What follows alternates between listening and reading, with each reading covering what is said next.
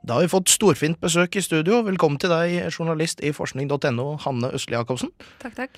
Det vi skal prate om nå, er såkalt oppmerksomt nærvær, eller mindfulness. Og hva er det det egentlig er for noe? Det er en egen form for uh, terapi, altså psykolog som hjelper folk å takle vanskelige situasjoner. Der vanlig terapi er sånn at du prater om problemer du har, og prøver å finne kanskje årsaken til de problemene. Sånn klassisk som vi kjenner det fra film.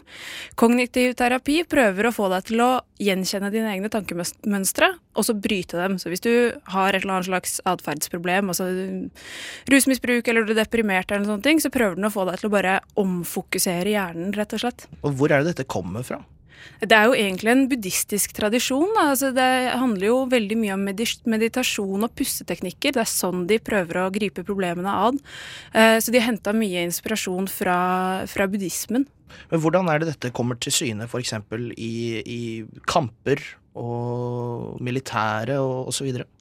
Ja, for det er det som er noe av det interessante. Da, at det er militæret som på en måte har omfavna denne formen for terapi eh, hardt og, og, bruker masse tid på det, særlig i USA.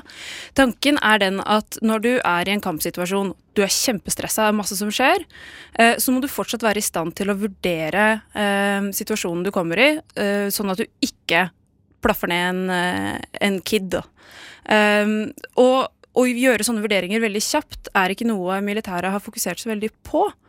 Eh, men så fant de ut at denne mindfulness-treningen, eller mind fitness da, som de kaller det, kan hjelpe soldatene til å stoppe opp i bare liksom et brøkdel av et sekund, bli klar over hvilke tankemønstre og reaksjoner de har, og så gjøre en ny vurdering. Eh, det skal ikke ta lange tida i det hele tatt, men det skal være en sånn ekstra liten sånn barriere. Da.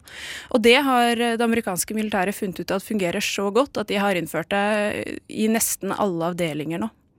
Jeg har også hørt at har, altså, de har brukt det som et slags skjold mot selvmord i militæret? Ja, for de sliter jo utrolig med selvmordsraten i det amerikanske militæret. De nyeste tallene nå viser at det er 15% av amerikanerne som er i militæret som tar livet av seg. Det er flere enn de som har blitt drept i, i Afghanistan gjennom hele krigen der.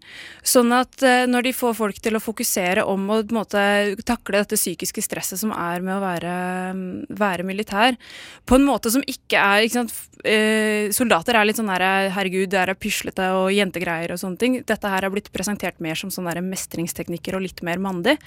Så har de fått folk til å føle seg mer robuste. Nå er det litt tidlig det forskningsprosjektet som har sett på resultatene ennå, så de veit ikke helt måte, om raten faktisk har gått ned blant de som har vært med på dette. Men det ser ut til at det går veldig bra, og de soldatene som har vært med på det, sier at de føler seg liksom sterkere og mer i kontroll over sine egne reaksjoner, og forhåpentligvis skal jo det hjelpe. Men det er jo lett å, lett å, slenge rundt seg med uttrykk som at man blir mer oppmerksom på nærværet av ting rundt seg osv. Men hvordan er det man faktisk trener seg opp til å nå disse tilstandene man vil nå i militæret i USA f.eks.?